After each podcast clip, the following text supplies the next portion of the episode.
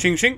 Micke här. I den här sista delen av Bloodfeud så kommer vi spela klart spelet och ha eftersnack. Som sagt, det här är ju inte för alla. Det handlar ju fortfarande om toxic masculinity. Så det får man ju ha i åtanke. Och vi reflekterar i goda vänners lag efter spelmötet och försöker göra det bästa av hela den grejen. Men det vi gör som karaktärer återspeglar fortfarande inte oss som spelare. Så här är sista delen av Bloodfeud och tack för att ni har lyssnat. Vill slänga ut en påminnelse att Kickstarter är fortfarande igång om ni hör detta när det släpps. Länk är i show notesen. Så häng med på sista delen till Bloodfeud.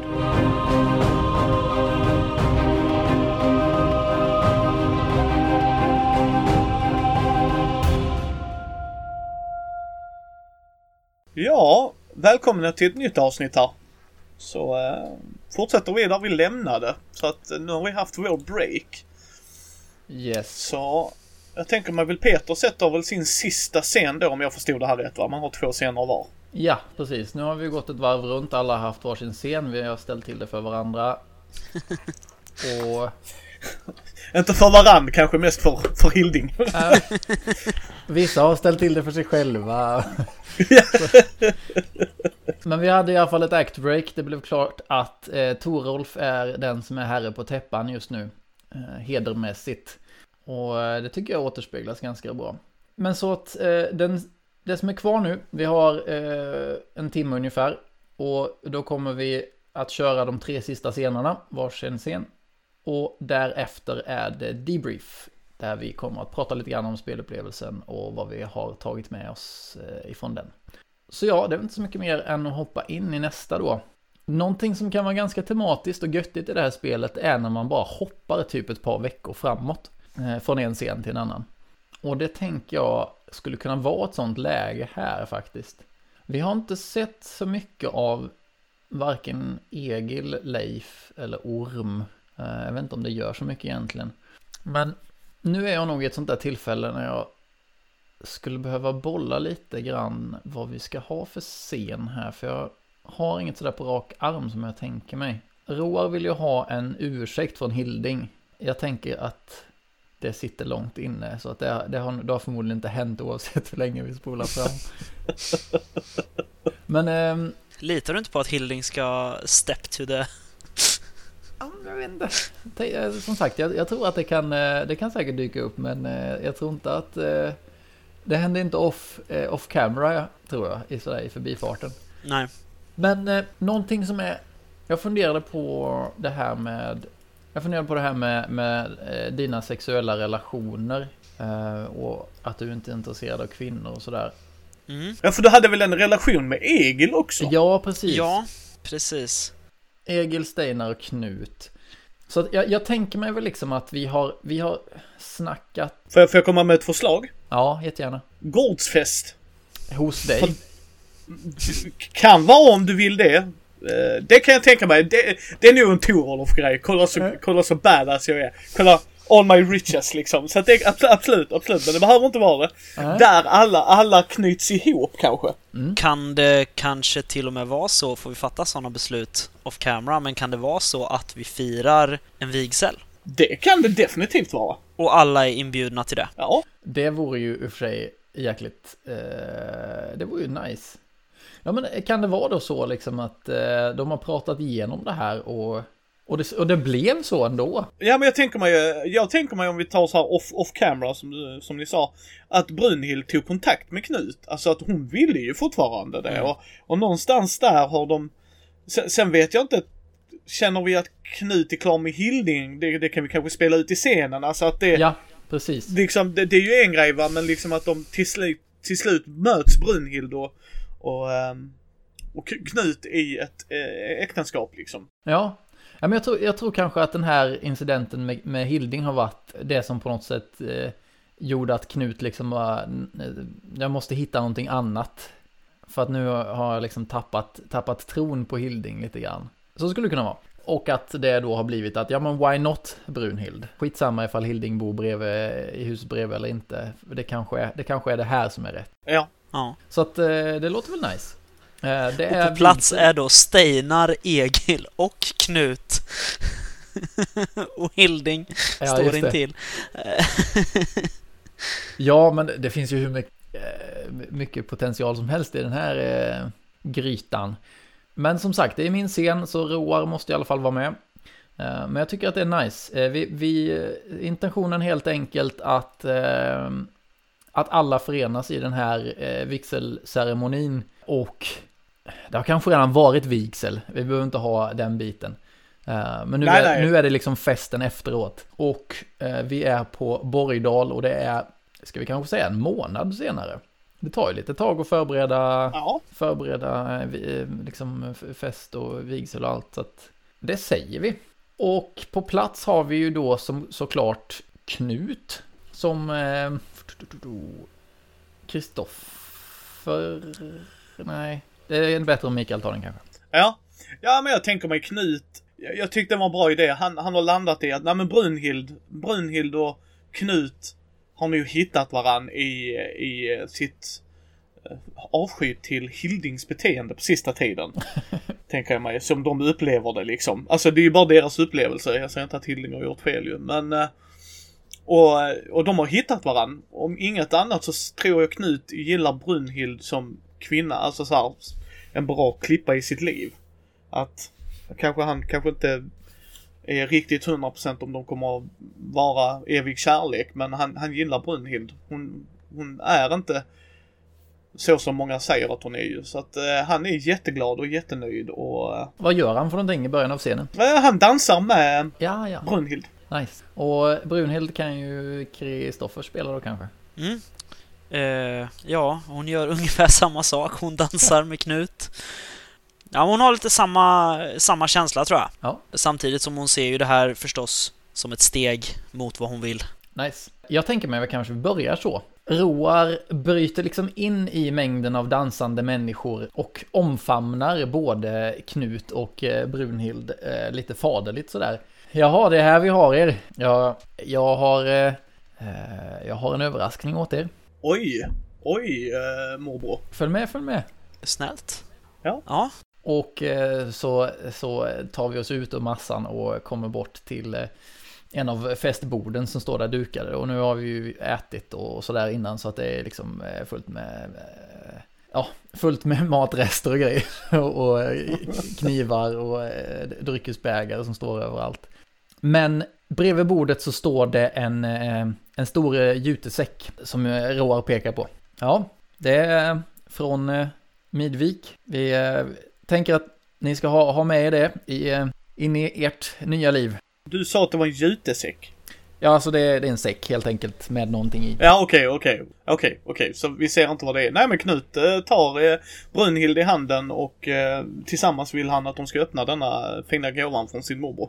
Och när ni, Mm. När ni öppnar Absolut. den så ligger där eh, metervis med eh, fint vävt tyg.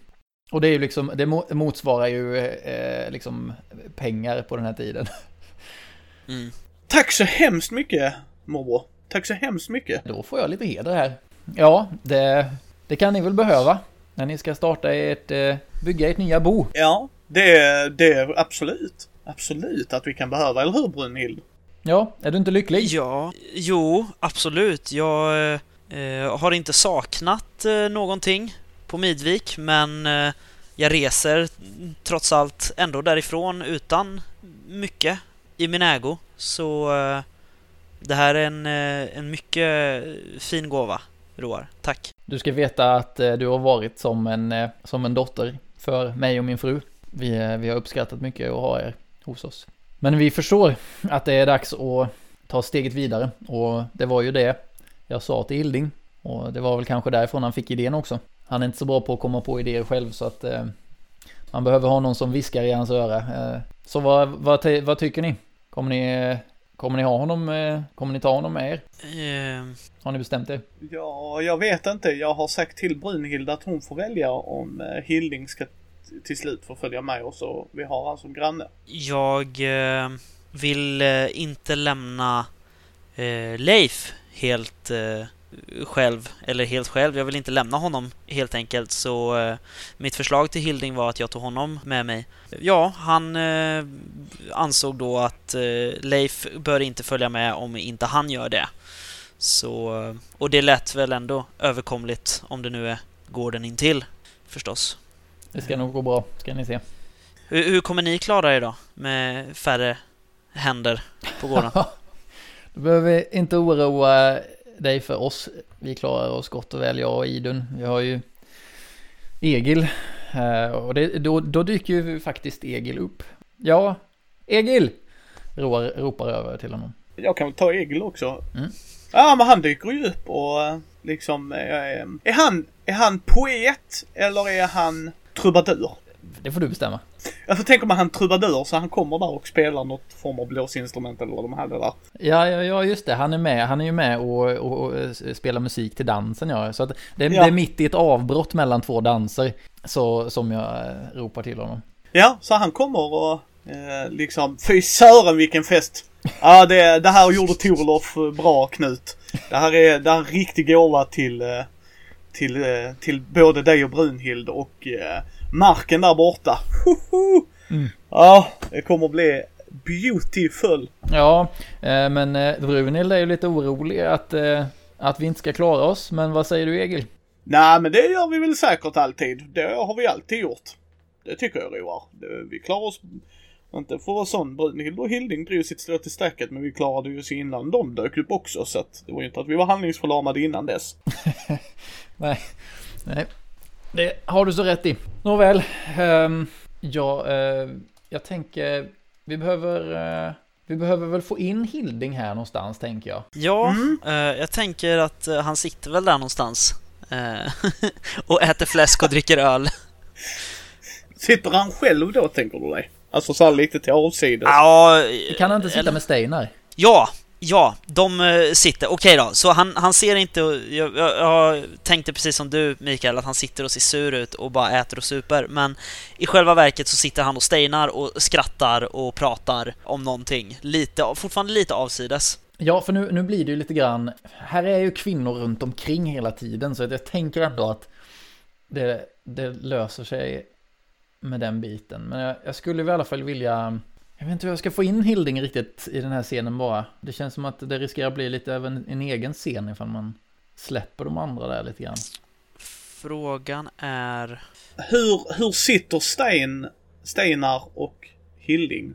För nu är ju Egil där och, och ni har ju en relation. Mm. Är du intim med Steinar? Alltså Nej, alltså, alltså de sitter och, och, och pratar liksom. Mm. Men jag, jag, jag, tänker att Hilding kanske... Han har, ju, han har ju fortfarande, även om det nu har gått så som han ville från början, eller som han ville, så har ju hans heder fortfarande fått en ganska stor smäll för att han är fortfarande på något sätt bov, boven i dramat. Så jag tänker att han eh, reser sig upp när han märker att det börjar oh. pratas mellan de här... Eh, me mellan alla de här personerna och mellan danserna så reser han sig upp.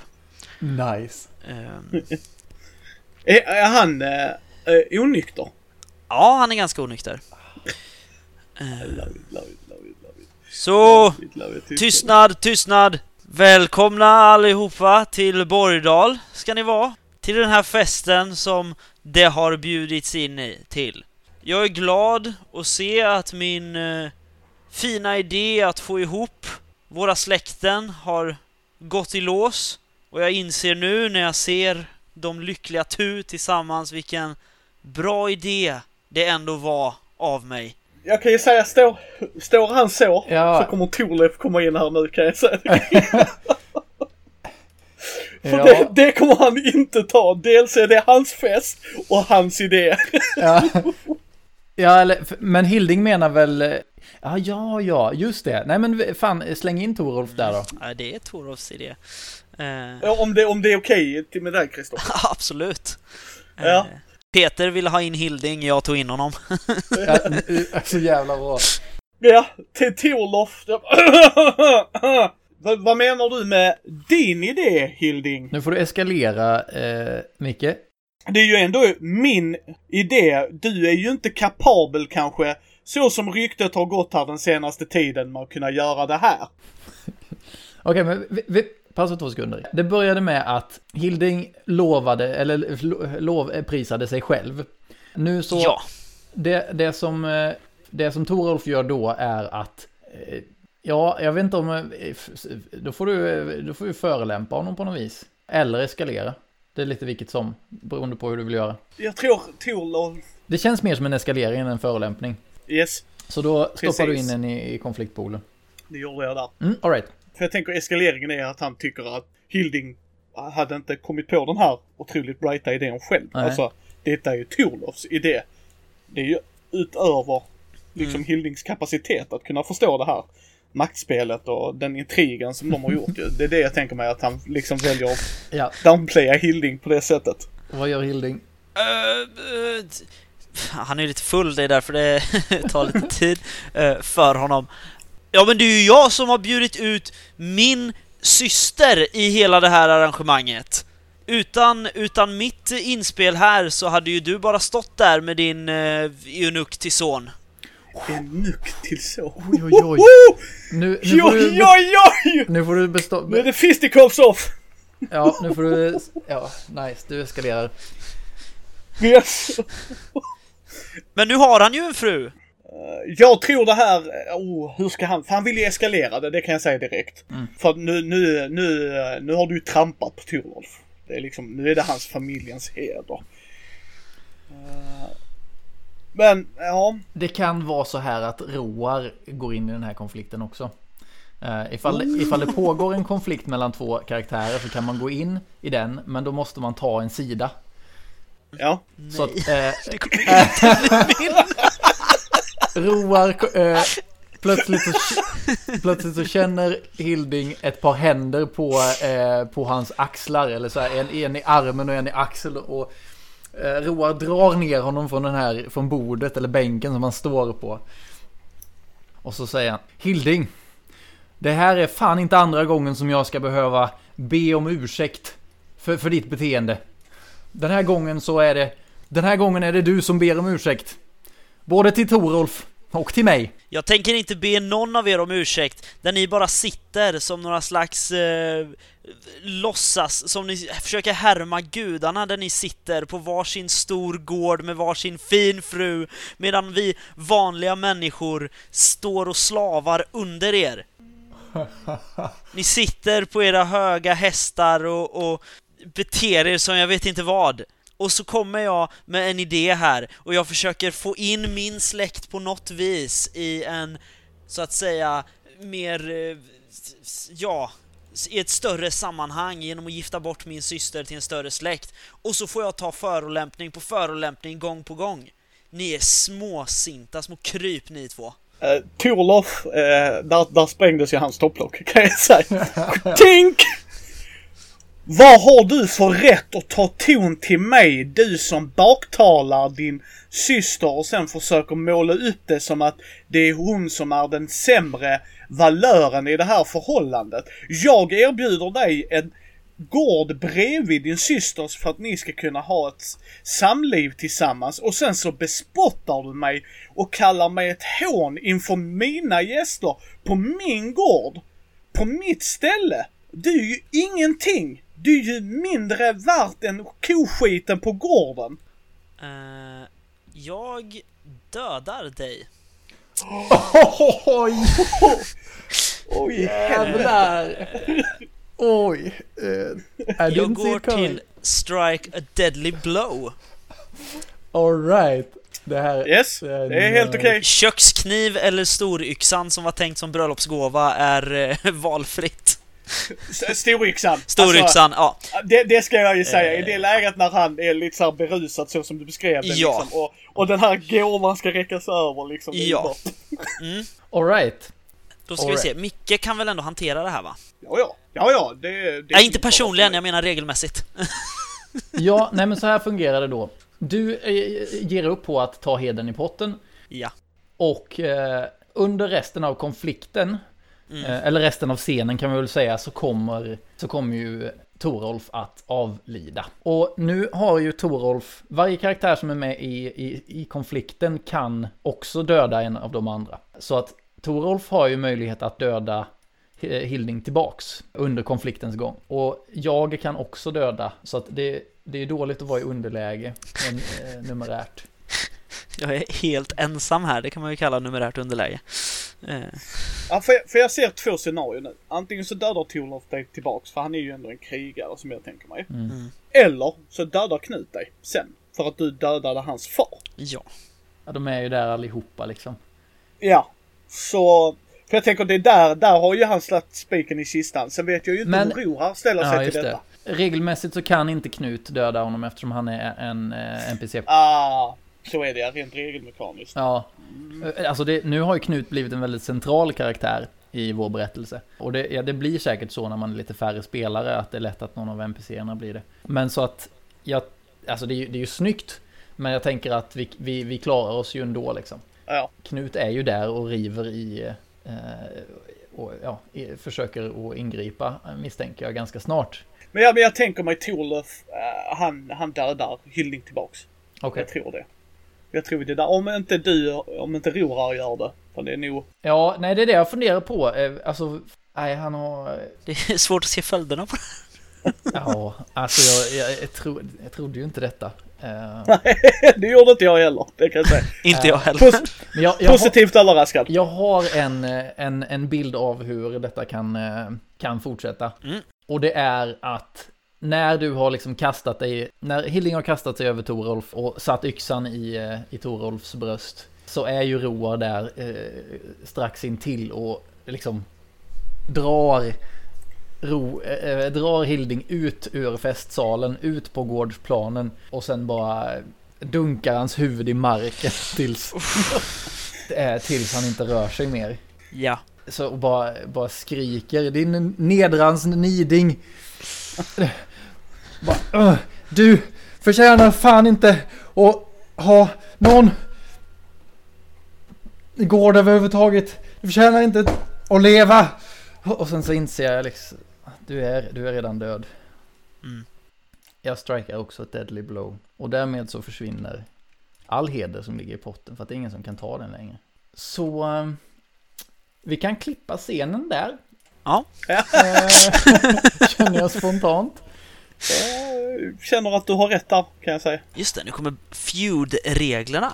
Ja, precis, men det kan vara bra att visa upp dem också. Vi har, vi har ju två scener till, så att eh, det kan ju mm. bli någonting litet av det. Då funkar det i alla fall så här då. På, på feud-cardet så, nu, nu var det två stycken som dödade varandra. Eh, nej, det var det inte alls det. Nej, så här blev det. Jag tog omedelbart hämnd på dig. Ja. I och med att vi, att Torolf och jag är släkt. Mm. Så att på feud-cardet så skriver vi Hilding dödade Torolf. Sen så skriver jag också Roar dödade Hilding. Och första gången då när man skapar det här feudcardet, då tar man fyra stycken hedersmarkörer och lägger på, på det kortet. Det är det som finns att hämta ur den här, ur den här fejden. Så att när jag sen omedelbart tog hämnd på dig, då fick jag fyra heder. Mm -hmm. Men sen så lägger man på ytterligare en markör till fejden och lägger över den till, ehm, till din familj. Så att nu har vi ju så, vi har inte etablerat fler släktingar till dig än Leif och Brunhild. Nej.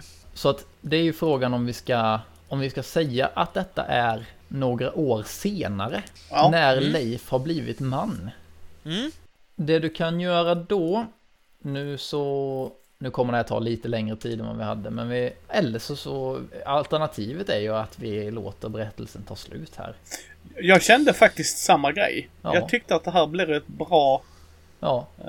Uh, fitting avslut. Man kan väl säga som så här, om man hade haft mer tid och man var, hade velat fortsätta spela så hade man ju absolut kunnat sett hur Leif sen, för nu, nu i och med att det var en karaktär som, som dödade en annan och att de inte dödade, dödade varandra så ligger liksom det på Fejden tillhör just nu den släkten vars släkting har blivit dödad.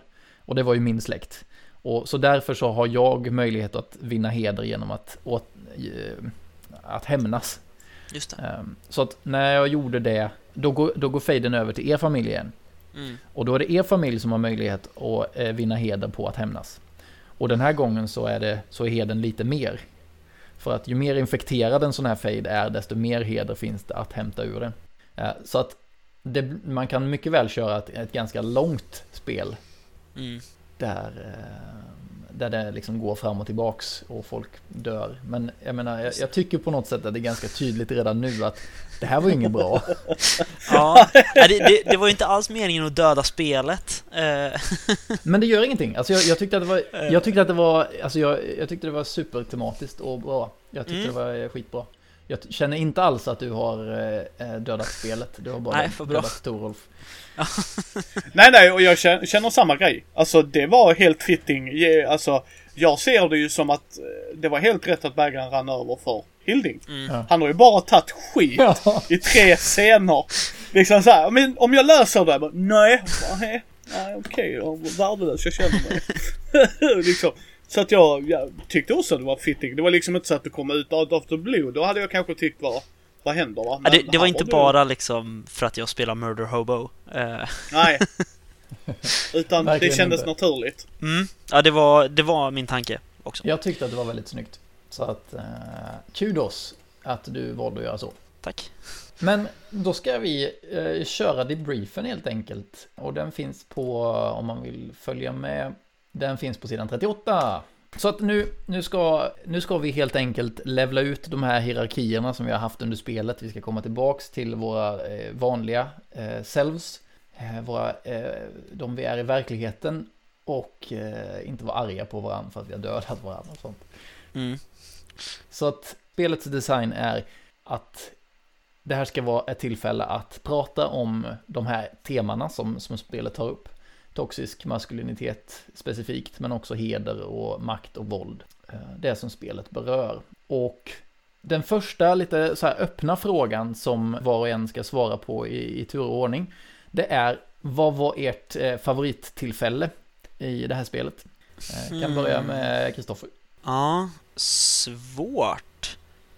Eller ja, nej jag tror faktiskt det var allra sista scenen. När eh, det, det började liksom ganska lugnt ändå. Det såg ut att ha gått vägen för alla på något sätt. Och sen så trappas det upp liksom hela tiden och den här eh, escalate-mekaniken blev så eh, påtaglig liksom. Tills det ledde till att vi eh, hittade en bra punkt att avsluta spelet.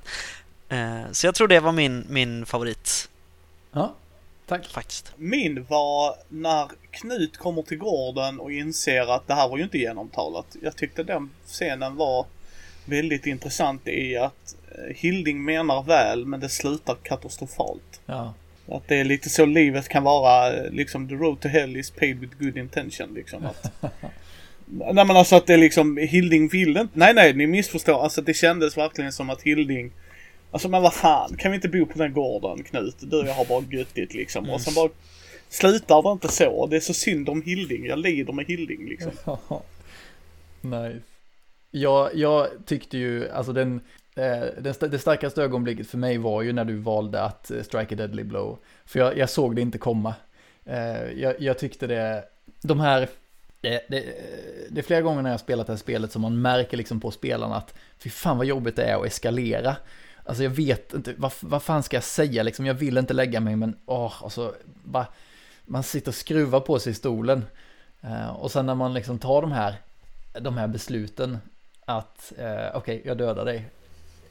Och det, det får så enorma konsekvenser. Och det är egentligen bara baserat på att man känner sig så jävla pressad. Att man, man kan inte ta det nederlaget det skulle vara att, att ge sig. Så eh, ja, jag tycker det, det, det är väldigt, eh, det var ett väldigt intensivt tillfälle. Mm. Okej, så sen så har vi en mer öppen diskussion på de följande frågorna. Så där, där kan vem som helst eh, hoppa in och säga vad de tycker och tänker. Eh, första frågan är What surprised you the most about the role of men or the role of women in this game? How and why? Alltså, för min del tycker jag det är väldigt intressant liksom hur jag gillar historia för övrigt. Alltså så jag kan se vikingatemat. Jag tycker vikingatemat passar bra här. Alltså att det ska vara den starke. Jag är ju inte Torolf och tycker inte som Torolf. Men det var ändå intressant att spelet hjälpte mig att tänka som Torolf. Vad skulle Torolf ta liksom? Skulle han hantera liksom att eh, lyssnarna kan ju inte se detta men när Kristoffer brilliantly spelar Hilding och tar åt sig äran Alltså det var ju verkligen att spotta på Torolf liksom att That doesn't fly medan Micke kanske, ja ja Hilding är full, låt han vara liksom. Men det tycker ju inte Torolf. Alltså hur kan denna fähund liksom besudla detta liksom? Alltså, alltså min sons, alltså och jag tyckte det var så jätteintressant att, nej, alltså mycket intressant. Och just att kvinnorna, att de styr scenen gillar jag. Att, visst, vi kan ju också säga fade to black och så och allt så. Ja. Men också att bara välja liksom att eh, dina konsekvenser får handlingar och det gillar jag. Liksom att lämnar hon scenen, då avslutar scenen. Det är liksom, där blir en direkt, inte konflikt, men vad heter det, en direkt handling på mitt agerande. Alltså där, där blir en följd på det, vilket jag tyckte var jätteintressant. Ja, jag, jag tror att min överraskande grej, det, det, är just den här mekaniken att kvinnan bestämmer vem som har mest eh, manligast eller minst manlig i slutet av en scen och den personen förlorar heder för att det är ändå på ett sätt i sin enkelhet så är det en så otroligt bra gestaltning av eh, hur det kan se ut liksom. Jag tror alla som någon gång har, har gått in liksom på en högstadieskola eller alla som har gått i högstadiet och sett hur det är när det står liksom eh, fem stycken 14-15-åriga killar eh, och vad man bråkar om det är hur man ska ses ja. av tjejerna som står runt om. Och eh, mm, Så just den mekaniken, att det är någonting som faktiskt för spelet åt en riktning och att det också eh, får en att tänka över de grejerna eh, på riktigt. Liksom att man tänker att ja, ah, just det, så är det ju. Är det en vinst? Liksom? Ja, absolut. Och eh, det ska också sägas att en av inspirationskällorna till eh, liksom den här maktanalysen som finns i spelet, eh, den är tagen från hur ungdomar beter sig i kollektivtrafiken. wow.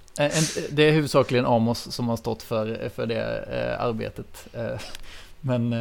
Ja, nej men jag tycker Kristoffer gör en jättebra poäng där. Att jag håller med just att när man var ung och dum, att det var ju helt plötsligt viktigt vad vad, vad den klicken sa och gjorde. Liksom. Och, och nej, jag håller med dig Kristoffer. Helt. Och man blir ju så jävla pressad också när man börjar förlora heder. Alltså, det som, en sån här under, eller en grej som man inte reflekterar över från början, det är ju liksom att vad ska man med heder till förutom att eskalera? Du behöver mm. inte heder till någonting. Du kan ligga på noll heder. Men ändå, just det här att folk kan köra med dig och du kan inte säga ett skit. Det är så himla man känner som vanmakt över det. Att man pushar sig till att försöka eh, ta plats och hävda sig. Och det brukar ju då, ungefär som det gick för Hilding, eh, sluta med att det blir ännu värre. Mm. Hade Hilding bara accepterat att okej, okay, jag är inte herren på täppan. Men så länge du fortsätter vara en underdog som, som gör anspråk på att ta plats och sådär, så då kommer det kärva mot de andra karaktärerna. Och det, Ja, jag har också varit i den situationen. Det är fan inte kul. Nej. Och, och, jag tyckte det speglades bra ju, som du säger.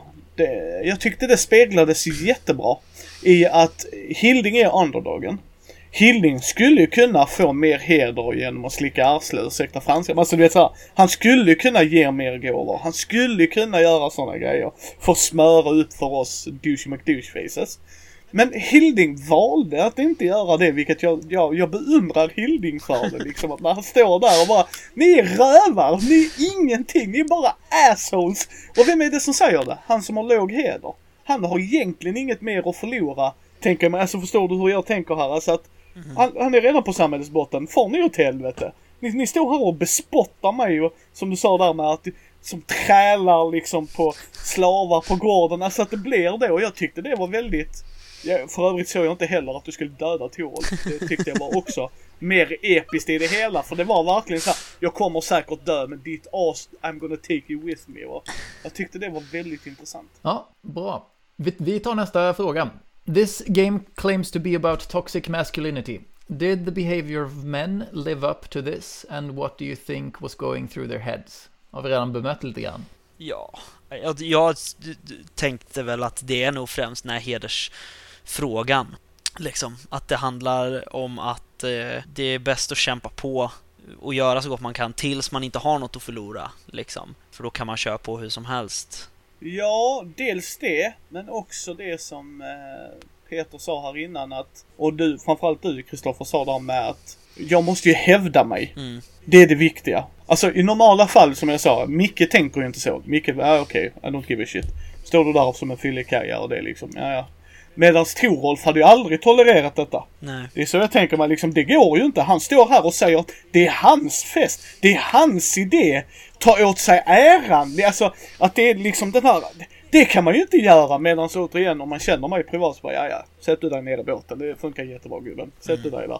Och klart du hittar på detta, absolut. Alltså det här, att man kan vara mer medgörlig för I don't give a shit. Medan här så fick jag ju tänka som för, för ni såg inte det, jag cringear när Kristoffer sa jag går upp och det var därför frågan är, liksom är han ful? Ja, så bara ah, det här kommer inte sluta bra. Det här kommer inte så här bra det här är min idé. Alltså, ah crap. Alltså det här, jag kan ju inte släppa det. Alltså jag kan inte släppa det för Torolf skulle inte släppa det. Nej. Alltså jag fick ju gå in i karaktären. Hade Torolf tolererat detta? Nej. Det hade han inte. Och då tyckte jag var jätteintressant och jag tyckte att det framhävde ju hur Torolfs toxic, alltså så här, det toxica där liksom att han, han eskalerade ju det. Mm. Och det gjorde ju Roar också liksom. Att, nu ska du säga be om ursäkt här liksom. Ingen tog in bejakning att fan vi har ändå pissat rätt mycket på Hilding liksom. Alltså vi har ju varit riktiga assholes mot honom. Nej, ingen tanke på det. Utan bara vårt ego. Och jag tyckte det var väldigt intressant hur det kom fram. Ja, eh, samtidigt tyckte jag att vi var, vi var eller alla män som, som ingick i spelet så, var mycket mindre toxic än vad de hade potential att vara. Ja. Skulle jag säga. Aha. Och jag, jag, vet inte varför. Och, och, med potential så menar jag förstås att om man hade tittat, tittar man på deras situationer och så, så hade det kunnat vara, jag vill inte säga värre personer för att eh, vi pratar om en, en dålig eh, man, manlighetsnorm liksom i grunden. Men jag tror att ändå Åh oh, gud, jag hade en jättebra tanke där, men eh, det var svårt att få fram den. Ja, men det känns på något sätt som att de, eh, de hade kunnat ta det ännu längre. Liksom. Och det är väl det, ja det är det jag menar egentligen. Absolut. Det, och det är på något sätt också det som är det som jag tycker ger mer nyans i spelet. Alltså spelar man varje konflikt till sin spets så mm. blir det väldigt överdrivet och karikatyr av allting. Så vill man ha någonting som är ganska nära verkligheten och där jag tycker att man, så, där man hittar det här spelets sweet spot, så är det ju när man som, som Hilding gjorde, ja men man, man går in i en konflikt och sen så lägger man sig. Mm. För att det, det är så som det funkar. Man drar, drar inte varje konflikt till sin spets. Nej. Så att jag tyckte vi fick till ett ganska dynamiskt spel där. Uh, och jag blev, så, jag blev så förvånad när vi hade vårt act break för övrigt, när, när jag insåg att jag inte hade mest heder. För då hade vi liksom, då hade vi pratat gott om Torolf och sådär, så han fick en massa heder fast han inte var med i scenen. Yes. Och, ja men, samtidigt så är det svårt att spela den, de, de som har mest heder. För att ja. man, man är den som har mest att förlora. Ja, och sen jag förstår vad du tänker lite Kristoffer där liksom att rent krast så hade jag kunnat se att Roar hade dödat dig tidigare egentligen. Liksom att nu är det här andra gången. Du förolämpar min familj ännu mer nu. Så att rent krast hade ju Roar kunnat döda honom i sista scenen som Kristoffer satte där på gården ju. Alltså om, om Roar var ännu större asshole. Mm. Med, medans, och det hade ju kunnat vara en väg man hade gått och jag hade inte personligen nu, detta ur mitt synsätt, inte tagit det ifrån dig Peter. För att, ja, det är ju så Roar ser det. För i, i de lägena upplevde jag det som, vilket jag tycker är väldigt fascinerande, att jag tänkte ju bara på Torolf. Jag hade ju ingen tanke på er överhuvudtaget. I normala fall kan jag göra det när jag spelar rollspel. Hur kommer Peters karaktär uppleva det här? Vad vill jag ut utav det? Alltså det är så här, vad, vi ska ändå säga... Torolf doesn't give a shit. Han bryr sig icke. Det är inte viktigt. Han är bäst. han är bäst. Ni kan tycka vad ni vill, ni har fel, han är bäst. Alltså att det är den attityden jag gick in med Torolf. Mm. Liksom att det är därför han hade battle scars, att det, det är så han skulle vara. Det var därför jag ville Where Adventures Begin and Farewells Are Set. Alltså hela mitt tankesätt var ju med Torleif att han är störst, bäst och vackrast. Alla andra är beneath him. Det är bara så liksom. Alltså, och, och, och för mig var det väldigt intressant att se att jag tänkte inte på era karaktärer alls. För en gångs skull. Liksom. Det var inte fokuset för mig här, mm. utan det var bara Torolf. Ja, bra. Uh, nästa fråga är, can you find any parallels between how a man is supposed to be today and what the game says a man is supposed to be? Do you see any differences? Alltså, ja, ja, alltså och paralleller så eh, vill jag väl säga att det, det är väl en motsatsparallell eller vad man ska säga. Mm. För att det är så mycket saker. På, på, så kort tid så har det varit stora, så otroligt stora skiftningar liksom i hur man ska vara man eh, nu liksom. Alltså kom igen, sen 2015 har det hänt hur mycket som helst på vad folk tycker och anser och vad man säger. Liksom. Medan alltså tidigare att förolämpa någon eller höja sig själv till skyarna innan liksom. Eh, om ingen ingrep. Det var ju inte riktigt, eller det är ju inte riktigt så att man behåller all sin heder. Det är snarare så att det blir en slags terrorbalans Liksom. Man kanske fnyser lite och är såhär, ah, det där är ju inte riktigt rätt att säga. Liksom. Mm. Jag bara skiter i att kommentera det. Mm. Så att det är mer att, att eh, man lägger sig som åskådare. Liksom. I sådana konflikter, om man kan kalla det det. Med, medan det, jag tycker att min, min favoritgrej bland de här eh, movesen, eh, commenting on a woman's appearance, där eh, har det ju skett en, en skiftning liksom, eh, som nu är mycket mer tillfredsställande. Att här man får en heder så länge ingen annan säger emot. Medan här är det snarare kanske att här eh, blir man av med all sin heder såvida ingen annan lägger sig i och säger det motsatta.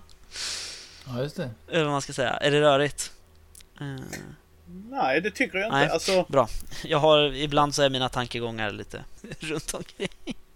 Jag, ty jag tycker det är intressant liksom att du behöver inte gå tillbaks till vikingatiden tycker jag. Rent krasst. När jag växte upp så var där, det var så här det skulle vara. Så man hade de coola killarna, alltså att det är det, man, man, man hetsade varann. Och det ska jag inte säga att så inte det är med kids idag, det, det vet jag inte, jag är inte kid idag. Men för mig var det så, medans, och, och samhället uppmuntrade. Jag gillar till exempel Magnus Bettner väldigt mycket, eh, som ståuppare. Och han har en väldigt bra ståuppscen liksom där att hur, hur vi väljer att hantera pojkar versus flickor. Alltså att hela den intressanta grejen och det har ju skett så jättemycket att först så liksom, och vilket också är jätteintressant om man tittar på färger och sånt liksom, att rosa var manligt förr och så blev det kvinnligt och, och sådana grejer liksom. Att det, det är som du säger där med att man, det har ju blivit en förändring i samhället sen tyvärr har inte alla följt med det tåget. Tyvärr. Medans folk, för jag upplevelsen, säger till mer nu än vad man kanske gjorde förr. Att nu är det inte okej okay att bara låta någon stå emotsagd. Upplever jag det som. Liksom att om någon tar in härskarteknik eller eh, personangrepp eller ska hävda sig på någon annan. Det är liksom, vi snackar inte om att man ska vilja lyfta upp sig själv och ge sig själv självberöm. Utan man ser skillnad på det liksom att Peter kan säga idag, kolla vad jag har gjort utan att det ska vara boosta min, liksom min ego, min, min liksom så här toxic masculinity, alltså den toxic grejen utan mer, kolla så duktig jag är. Medan vissa, förr när man var så, ja men jag är bättre än dig, det är bara så. Alltså när man spelade fotboll eller när man spelade innebandy, alltså när man var på de sportsgrejerna. Då, mm. då, då var det de som var bättre än en och att det skulle premieras. Ja, liksom. men det säger du någonting som är jäkligt intressant. Alltså i sportsammanhang så upplever jag alltså just det här tävlingsmomentet. Det uppmuntrar ju väldigt mycket till den här typen av beteenden. Att man ska visa sig, eh, visa sig bäst och och, och lyckas man inte, är man inte bäst då, då, eh, då är det liksom skämmigt. Så att, men en annan sak som jag tänkte på, som, jag, som vi märkte vid något av de tidigare speltesten vi, vi körde med det här. Eh, då var det en av deltagarna som sa, ja men när vi, ja men när vi höll på och eskalera mot varandra så men fan, det där är inte manligt. Alltså en, det manliga det där hade ju varit att bara gå därifrån. Alltså fan, låt idioten bete sig som en idiot då. Alltså, yes. och, och det är ju mycket det här att det finns, eh, det finns, det finns också de tankarna idag. Mycket mer, alltså att det finns ett ideal av den smarte personen också. Eh, mm. Sen finns det också, sen finns det ju en toxisk sida av det också.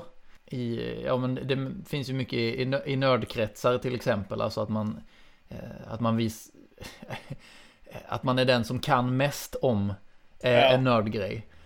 Och att det finns en himla prestige i det och att man inte låter kvinnor komma in i samtalet och man ska liksom visa att... Gatekeeping man, ja, och allt det där ja. Precis. Eh, men det är ju mycket mer den sortens maskulinitet om man säger som jag tror eh, finns idag än den här våldsamma. Mm. Ja, det, det, håller jag med dig om. Alltså jag tror den våldsamma sidan har tagits ner. På, och sen skulle jag yrka på självklart på vad vi tittar på. Där finns de idioterna fortfarande. Och det är bara att titta på liksom huliganer tänker jag mig då. Alltså det är liksom, nu ska vi slåss, kolla här. Han så här bara, fast varför slåss ni? Men han, han gillar Burger King. Jag gillar McDonalds. Alltså, att det är, alltså man bara, fast ni, det, det, det är i princip ni, gill, det Ni gillar fotboll bägge två, men vad, vad fan, yes. varför kan ni inte bara stå där och heja tillsammans då? Eller bara titta på den här sporten som ni gillar? Ja, ja men precis, och då, då förstår man att det handlar ju om att slåss. Det är bara det det handlar om egentligen. Ja, och, men, men sen kan jag absolut hålla, uh, hålla med om att det är fortfarande problem idag, men den, det har bara blivit annorlunda. Alltså... Sen är ju våld är ju inte ovanligt idag om man säger så. Uh, men Nej. som sagt, det finns en annan sida som uh, tar mycket större plats, tror jag. Mm. Vi, vi tar sista frågan och så avslutar vi sen. Mm. sista frågan är Eh, what will you take away from this experience and what would you like to leave behind? Jag tror jag skulle säga att jag skulle ta med mig från det här. Ack så fel det går om du bara tänker på dig själv. Det är ju inte det långa racet du vinner, det är bara kortsiktigt. Jag tyckte det blev uppenbart när Torle fick en yxa i kroppen liksom. Alltså att det var liksom... Ja men jag har ju rätten på min sida. Det kan du ju tycka, du är ju fortfarande död. Så att jag vet inte. Vad vann du på detta liksom? ja.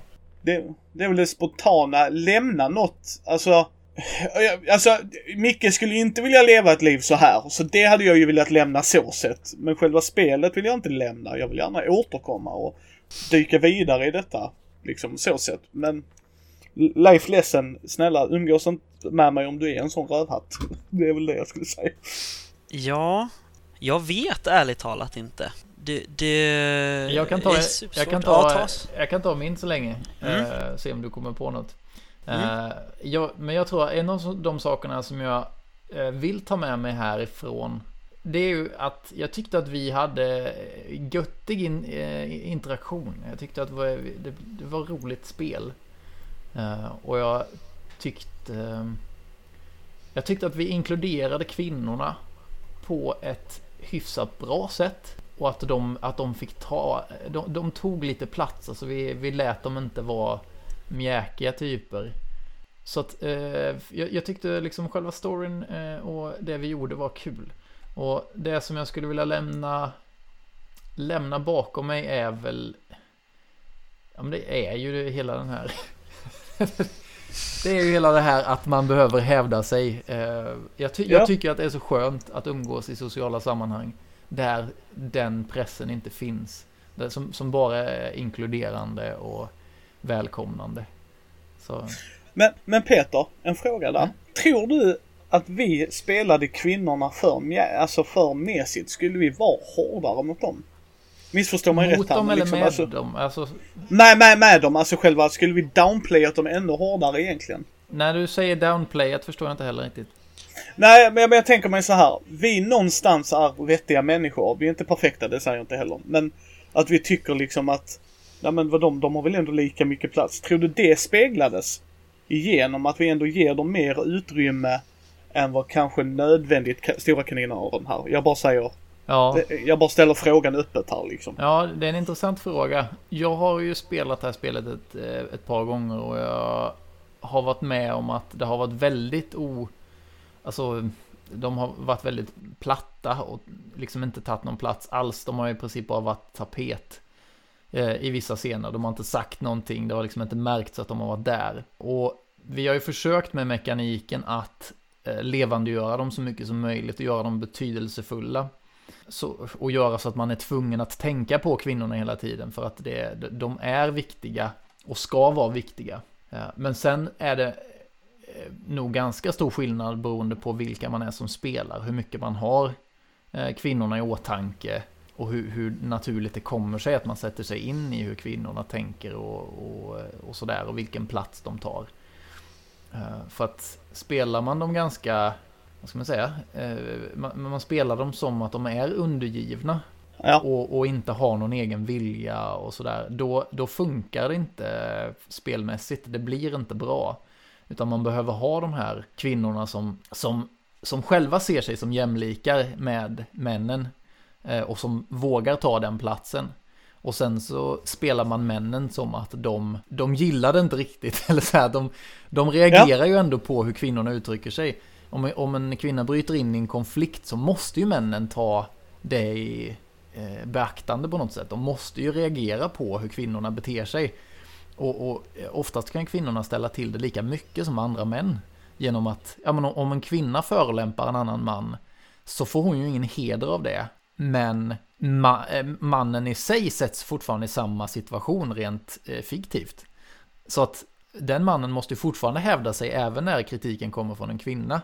Så att de, i, själva verket så är kvinnor mycket friare i det här spelet än vad männen är. För att männen är ju bundna till vad de kan och inte kan göra av det här hederssystemet. Ja, för det var det, det jag ville, du, du satte mer ord på det där liksom, att man, eh, att de är undergivna och sådana grejer, att det handlar om hur vi är som spelare, att vi inte ser det så riktigt. För att, jag håller med, jag tyckte vi alla gjorde jättebra ifrån oss att försöka få liv till senare. Jag har haft jättekul idag att få reflektera över och vi går in i karaktär. Men samtidigt, det här är vad jag gillar med Indieflum. Liksom att vi har någon som sätter scenen, Go, nu spelar du Leif liksom till exempel. Och bara, äh, okej, okay, vem är Leif?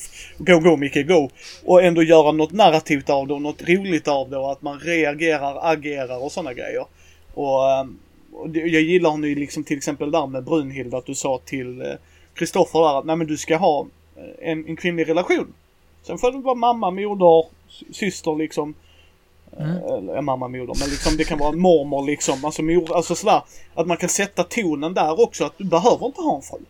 Det behöver inte vara det. Men det är blodsband. Så vad din syster gör i det här fallet blir ju, som du säger, påverka. Och det var bara därför jag undrar, liksom, du har ju spelat detta betydligt mycket mer än mig, om hur du hade upplevt det. Men då är det mer att du upplever det att de inte kommer till liv alls liksom. Oftast, inte alltid kanske. Men... Ja, men man, man tar liksom inte hänsyn till vilka de är eller vad de tycker och de uttrycker sig inte riktigt utan de, de står mest och tittar på. Ja. Uh, och det, jag tror inte, jag tror inte att det beror mest på oss som spelar utan jag tror att det beror på mycket på spelsystemet också. Uh, men sen spelar det ju absolut roll ja. hur, hur, man, hur man spelar dem. Så att uh, det är nog en kombination helt enkelt. Men vad, vad tyckte du? Har du hittat ett svar, Kristoffer? Jag tror det. Mm. Mm. Och det... Mm, jag tar nog med mig främst möjligheten att beröra sådana här saker som det här spelet handlar om utan att det känns, vad ska man säga, alltså styltat liksom. Mm. Och domderande ja, på precis. något sätt. Ja, det, det känns inte som en moralkaka, ja. eller? Nej, precis. Det, det, det är inte en Staffan Hildebrand-film. Liksom. uh, ja, den här filmen handlar om varför knark är dåligt. Och så är det en och en halv timme där man bara Ta inte knark! Liksom. Jag gillar, gillar det jag tar så jävligt bra Kristoffer liksom. Ni får sätta det i, i reklambannern på Kickstarter. Det, det, är inte en Staffan Hildebrand-film. uh, nej men för, för, för, grejen är att det märker man i allmänhet bara att, att prata om såna här saker så är det ju väldigt många som har svårt att inte liksom göra det lite för att eller visa upp att jag gör det liksom. Kolla vad medveten jag är. Mm. Liksom. Och, och det här spelet ger inte mig det intrycket. Och det är jag väldigt glad för. För det, det är liksom tillräckligt med att, att gå, höra människor prata på det här sättet och gå på föreläsningar som marknadsförs på det sättet. Mm. Liksom. Och jag har varit på föreläsningar om toxisk maskulinitet och det, man har fått liksom moralkakan redan på affischen Mm. Medan här känns det som att här tar vi upp problemet och diskussionen utan moralkakan egentligen, utan det är upp till alla som medverkar i debriefingen att skapa sig bilden av det. Mm. Så det tar jag med mig, absolut. Nice. Ja, nej, förlåt mig, för jag vill bara fylla i där. Jag tyckte du satte fingret på det där, Kristoffer. Att här var ett bra verktyg till att se det, reflektera över det efteråt. Alltså att nu har vi spelat detta. Nu såg vi hur det gick ju.